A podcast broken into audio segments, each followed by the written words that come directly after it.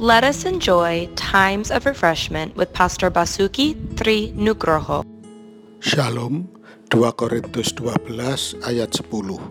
Karena itu aku senang dan rela di dalam kelemahan, di dalam siksaan, di dalam kesukaran, di dalam penganiayaan dan kesesakan oleh karena Kristus.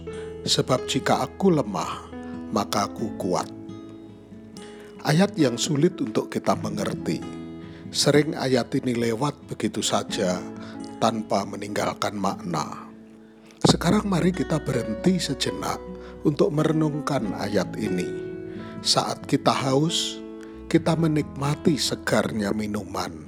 Saat kita lapar, kita mengalami nikmatnya makan. Saat kita kesepian, kita menilai tinggi arti sahabat.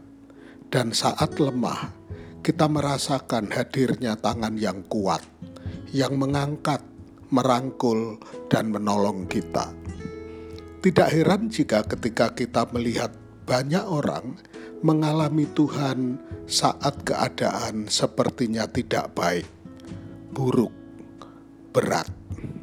Keadaan buruk bisa membuat orang menjadi pahit, marah, dan sakit.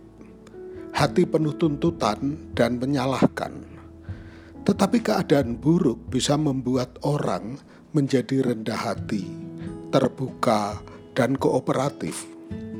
Berita baiknya yaitu Allah mengaruniakan Roh Kudus yang berbisik agar kita meresponi keadaan dengan positif. Yang buruk bisa menjadi titik balik untuk arah yang baik dalam hidup kita karena kita memilih respon yang baik.